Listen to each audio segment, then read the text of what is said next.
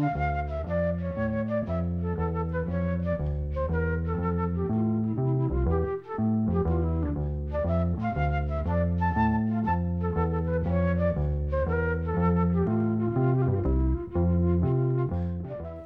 sæl. Við höldum áfram að fjalla um tónlist Einars Vilberg, tónlist sem að samti og sendi frá sér í byrjun 8. áratugurins. Hann vakti umtalsverða aðtigli þegar hann kom fram á tónlistarháttinni Pop Festival 70, svo háttið var haldinn í lok september 1970. Einar Vilberg kom líka fram á tónleikum sem haldni voru í lögadalsföll 18. september 1971, árið setna. Og þar hitta hann upp fyrir breskar hljómsveitir, þrjártalsins, Badfinger, Man og Writing on the Wall. Samstarf þeirra Einas Vilberg og Jónasar R. Jónssonar hóst þetta sama ár og tengist af vissuleiti þeirri staðrind að Einar var eitt þeirra sem komið fram í únlingaþætti í sjónvarpinu sem fekk nafnið Einn ringferð. Þátturinn var síndur mánudaginn 11. oktober 1971 og stjórnendur hans voru fjórir Ómar Valdimarsson Ásta Ragnöður Jóhannesdóttir Jóhann G. Jóhansson og Jónas R. Jónsson Fyrsti þátturinn hófst á því að Einar Vilberg spila og söng lag sem var ekki skráðundin einu sérstöku heiti í skíslu sem að gerð var með þættinum en Einar Vilberg telur að hann hafi kallað þetta lag Going Round in Circles en það eru það upp ás orð textans Going round in circles Don't know what to do. Could you lend me your hand To find something new? Take me Take me on a riverboat Float me upstream. I'll maybe find there's something new that I've never seen. A new land, land of peace. A new man who is me. If you don't do this, I'll maybe die. It's so short time since I found that out. There's no time to cry. So take me, take me on a riverboat, float me upstream. I'll maybe find there's something new that I've never seen.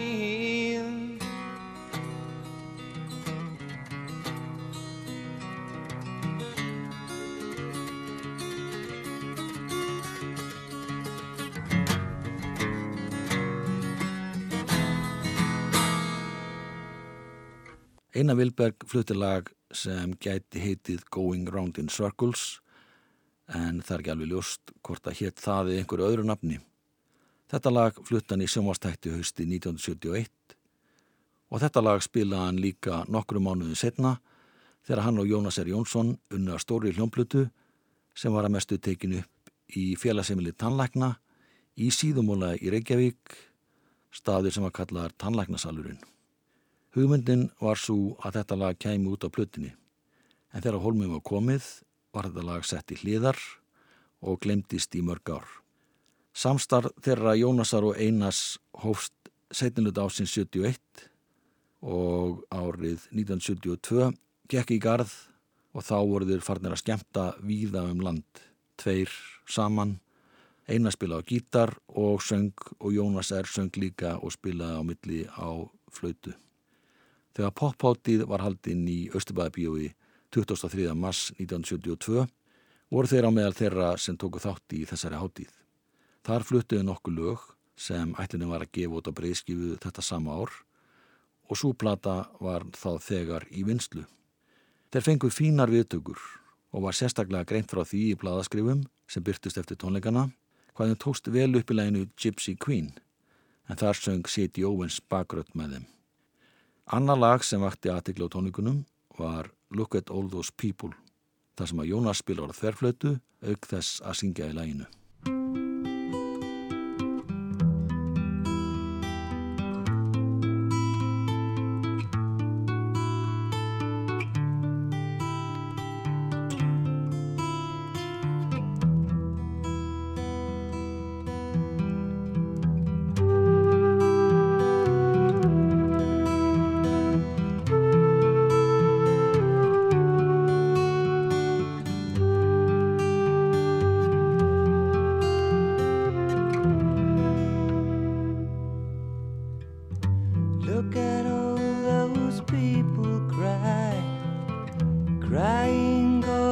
Dying, dying, dying ordinary death, hoping for a second chance, second chance, another life.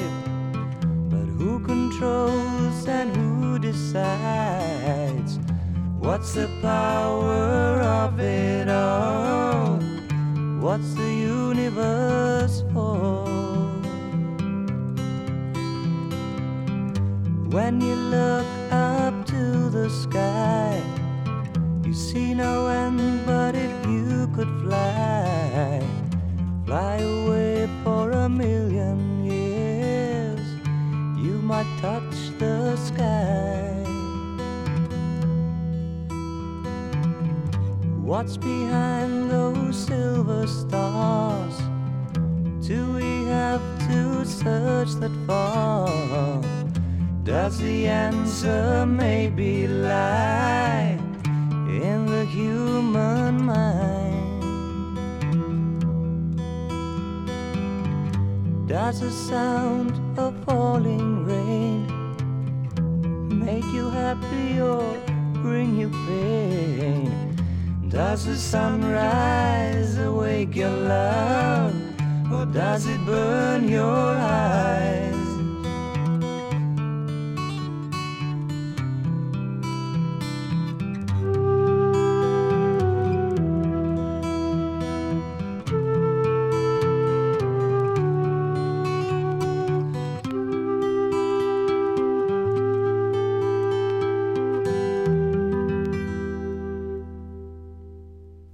Og Einar flutilagið Look at all those people sem er eitt þeirra laga sem að koma út á plötunni Gypsy Queen snemma hausts 1972. Þetta laga var hljóðritað í Svíþjóð, nánatildekið í EMI hljóðverðinu í Stokkólmi og því var bætt inn á plötuna eftir að upptöku hér á Íslandi lauk.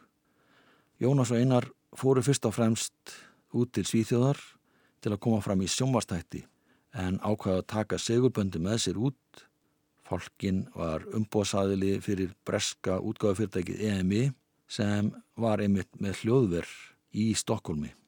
Þannig að það lág beint við að þeir færu inn í þetta hljóðverð en það gatt fólkin bókað á þar. Þar nöttu þeir aðstóðar Björn Nóriam, hann frískaði upp á hljómin á íslensku upptökunum, settið yfir á áttarása sigurband og lagfæra það sem ætti að vera að lagfæra. Þetta áttarása hljóðverð var sem sagt fullkomnara en það sem var í bóði heima á Íslandi á þessum tíma og þarna tóku þeir upp tvö lögti viðbútar. Þetta var annað þessara tveggja laga. Annars fólst aðal vinna þeirra í hljóðversvinnunni að taka upp söng. Þeir tóku söngina nýju í flestum lögunum en ekki öllum. Sumt af því sem hafi verið tekið upp á Íslandi var látið standa. Þar að meðal í læginu See the Sun.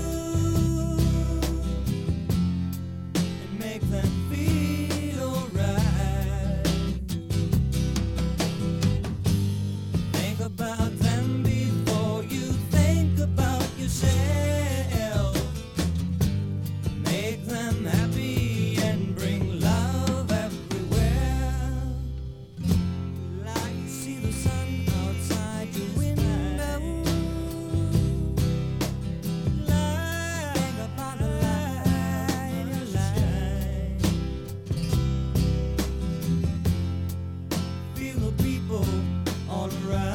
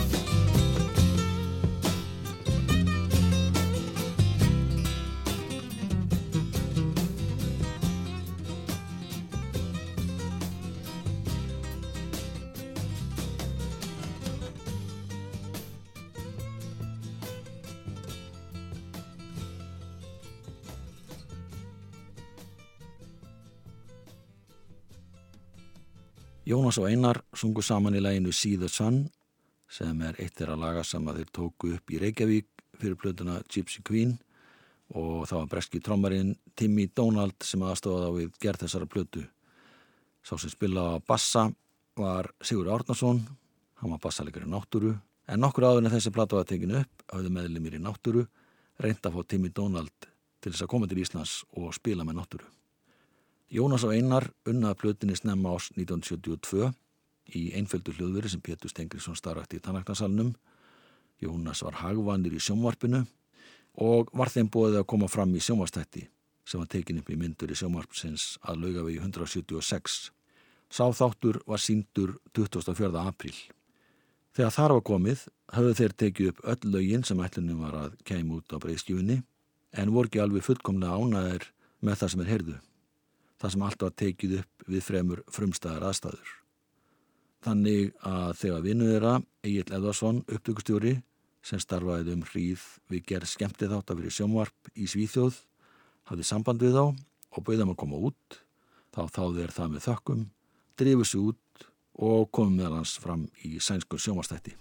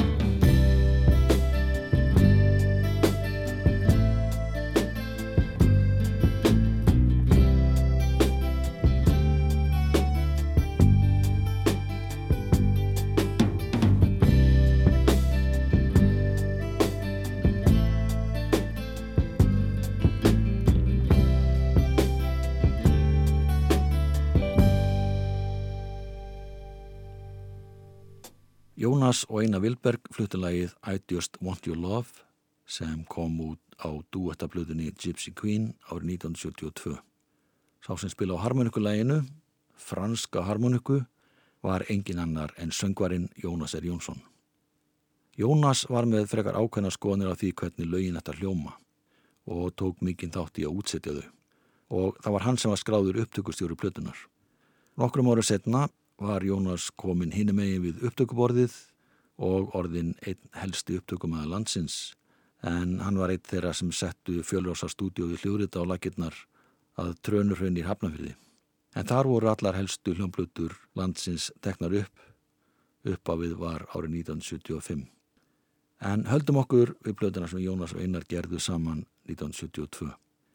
Fyrsta lagið á setni liðblöðunar heitir Freedom for Our Lovin' og þar spilar Einar Vilberg á kassagítar og ramaskítar, Sigur Árnason á bassa og Timmy Donald á trommur.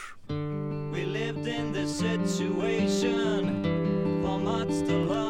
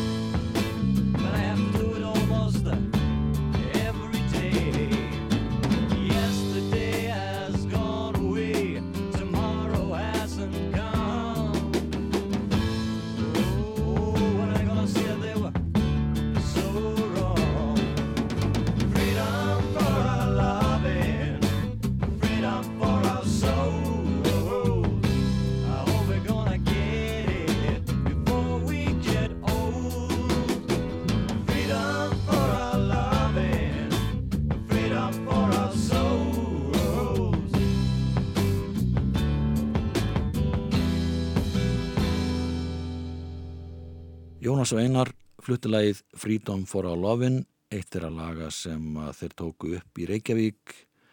Það er undirspilið var tekið upp í Reykjavík en söngurinn að mestu tekið upp í Stokkólmi. Þegar þeir voru stattir í Svíþjóð vöktuðu talsverða aðtegli en það ekki á hverjum degi sem íslenski tónlistamenn komið fram í sænskum sjómastætti. Þeim bárust tilbóð frá sænskum umbósmannum en þeir voru ekkit sérstaklega æstir í að taka þessum tilbóðum fannst þau ekki alveg nógu góð. Þeir spiluðu samt sem áður á nokkrum stöðum, meðal annars á fitni skemmtun, þar sem við komum fram á eftir konungluðu fílarmoníu sveit Stokkólms, kom líka fram á ásátt í sænskar slökkulismanna og spiluðu á sænskum klubbi. En þar voru gestirnir ekkit mikið að hlusta á þá. Þeir eru miklu meira áhuga að ræða saman og skála heldur en tónlistinni. Jónas og Einar fengu líka tilbúðum að spila í vinsanlu skemmtigarði í Gautaborg og víðar.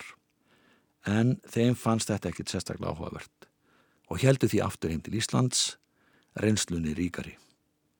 Eitt er að laga sem kom út á breyskjunni Gypsy Queen heitir How Can We Know God Is Real. Þar leikur einar á kassagítar, Tómas M. Tómasson á bassa og Timmy Donald á trömmur.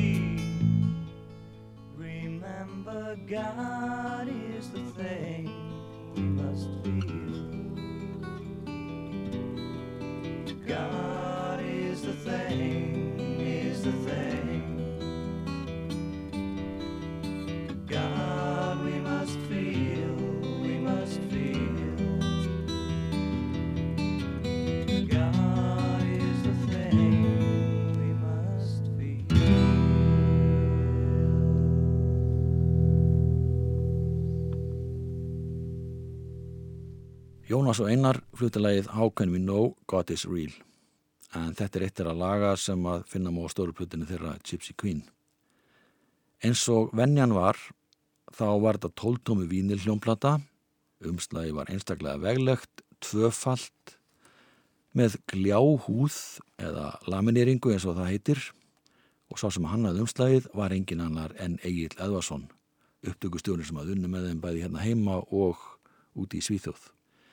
Á framhlið blötu umslagsins eru tvær litla ljósmyndir af Jónasi og Einari sem Sigurkir Sigurjónsson tók í stúdiói.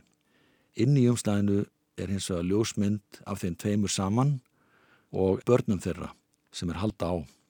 Þessi mynd var tekin fyrir utan hressingaskálan í Östustræti og inni í sjálfu umslæðinu var svartkvít ljósmynd af þeim tveimur í sömu stærð og umslæði salt og þessa ljósmynd mótti taka út og hengja upp á vegg.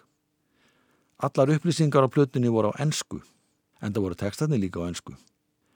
Platan kom út á kassettu eða hljóðsnældu og var þetta fyrsta íslenska hljónplatan sem gefið var út bæði á vínilblötu og hljóðsnældu. Enda hafði íslensk tónlist ekki verið gefin út á hljóðsnældum fram að þessu.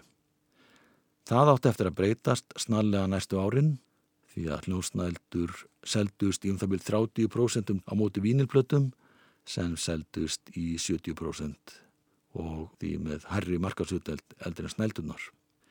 En orði snælda náði ekki alveg að festa sér í sessi, það var jafnan talað um kassetu. Hvaðan um það, platan sjálf var pressuð á vegum Parlophone plötumerkisins sem var sama plötumerki og gaf út plötur bítlana. Það breytir ekki því að þetta var íslensk útgafa fyrst og fremst en það notaðist fólkin við þau plötumerki sem EMI samsteipan breska bauð upp á. Samstagsfyrirtækin móttu nota Parlophone og Odeon og fleiri plötumerki. Sérstæðasta lagplötunar heitir Music Forest en það er eins konar barnalag sem Einar Vilberg syngur með fjórum ungur stúlkum. Meðal þeirra sem syngja með honum er nýjára gömul sýstir hans, Ingi Björg Há Hjartadóttir og síðan er þetta þrjár vinkonur hennar sem voru á sama reiki. Þetta voru Birna Benedistóttir, Berglind Siguradóttir og Hrafnildur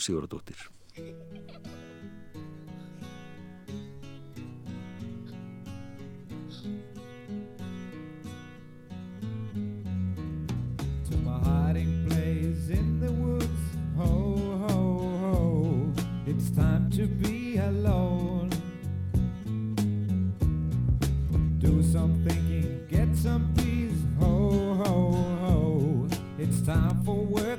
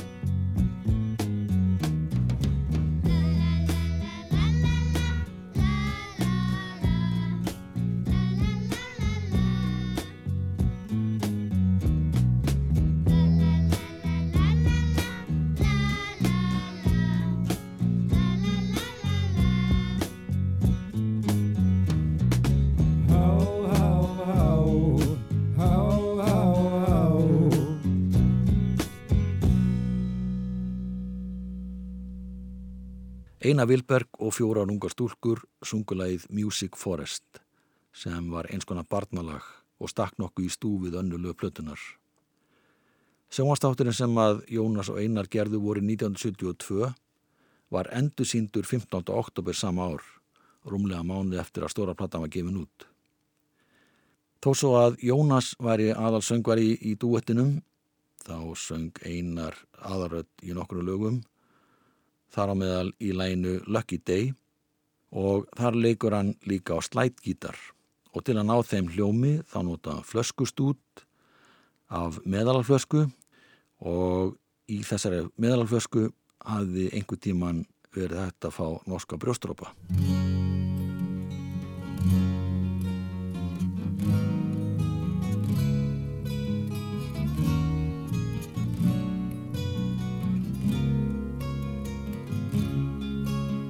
Was waiting for my lucky day. I hoped every day,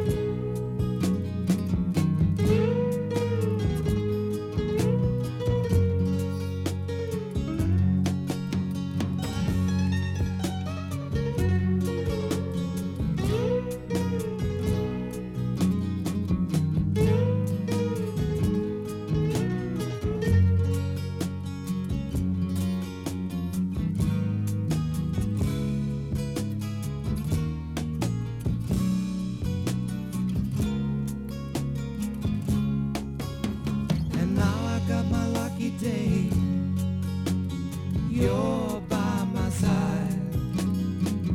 You're by my side, and I feel fine. No one can take our sun away. It shines every day.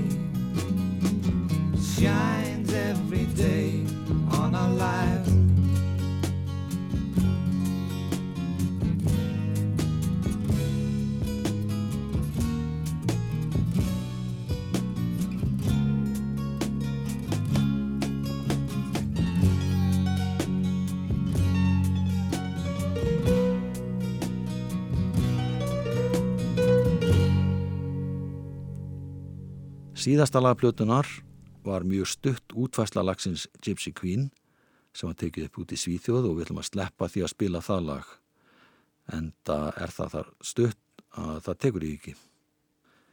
Við ætlum þessi stað að líða á lag sem að komst ekki inn á plötuna eins og nefntuðu verið fyrr.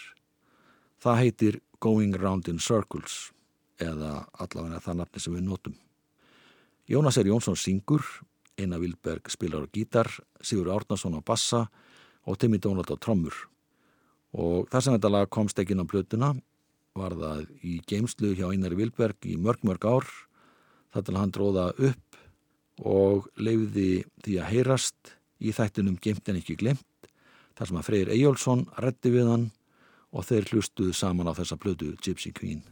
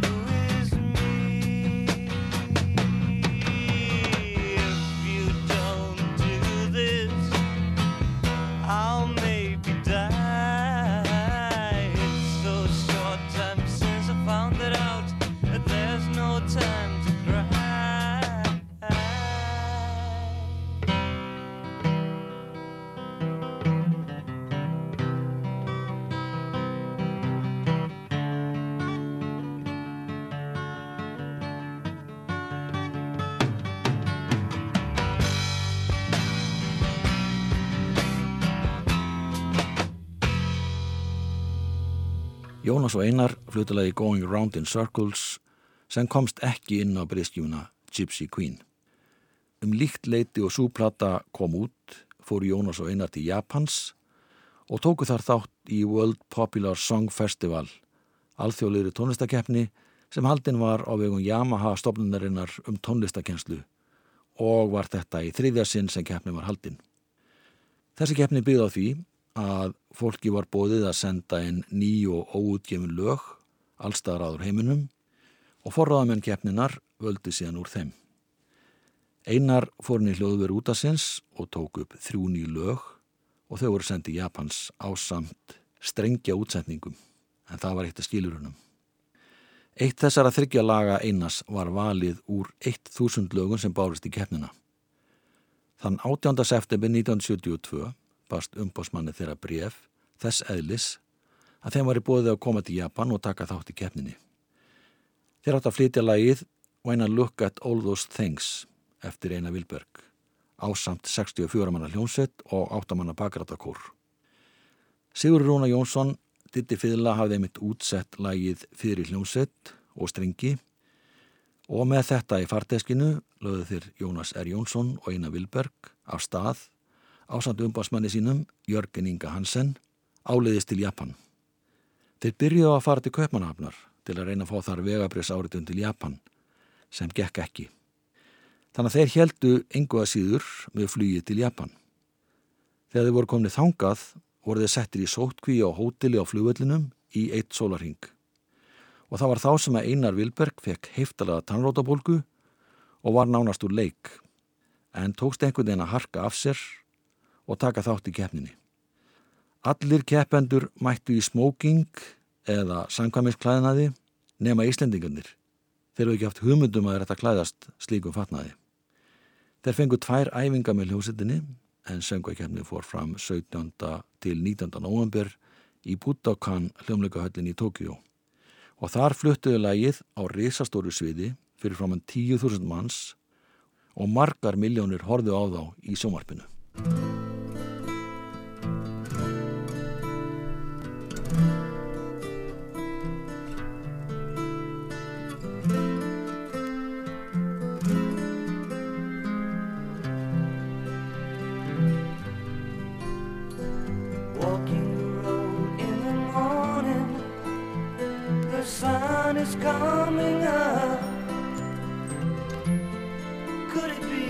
No one feels the tender love of God. Little rain falls and the rainbow is high up in the sky. When I look at all those things, they make me wanna cry.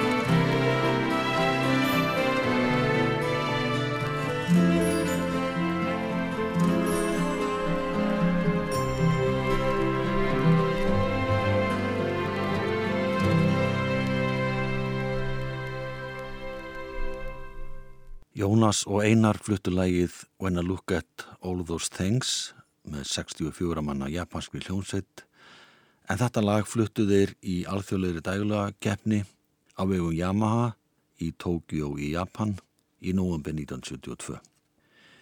Reyndar hétt lægið Walking the Road en Japanarnir ákvaða að breyta nafninu í When I Look at All Those Things. Það var mjög mikill heiður fyrir þá Jónas og Einar að komast í þessa keppni en 46 lög frá 37 löndum voru valinn til að keppa til undanústita. Keppnin hétt upp á ennsku World Popular Song Festival og meðal þeirra sem sendu inn lög var bandariski söngvarinn og lagasmiðurinn Níl Sedaka. Hann bjóða þessum tíma og starfaði í Breitlandi og var því skráðu sem breskur keppandi. Annars voru keppendurnir frá Ímsun löndum þar á meðal John Farnham frá Ástralíu og frá Svíþjóð voru fjórmenningar, Björn Úlfus, Benny Andersson, Agneta Feldskog og Annifrid Lingstad sem urðu stuttu setna þekkt um allan heim undir nafninu Abba. En það fór nú svo að kvorki Abbanni Jónas og Einar náðinn í úslitt, þánga komust 22 lög og það var breska hljómsettin Capricorn sem bar sigur úr bítum. Þessa hljómsett þekktu fáir, árið setna var hún komin til Íslands til að skemta íslenskum balgestum í veitingahúsinu Glæsibæ. Þráttur að Jónas og Einar kemist ekki úrslitt kom út lítil plata með tveimur lögum þeirra. Platan kom á markað í Japan á vegum Canyon útgáðunar í 60.000 eintökum. Á fyrri hlið plötunar var lagið When I Look at All Those Things eftir Einar en á setni hliðinni lag eftir Jónas R. Jónsson sem heitir á ennsku Song of Love en Jónas söng þetta lag á japansku. Og svona enda þátturinn verði sæl.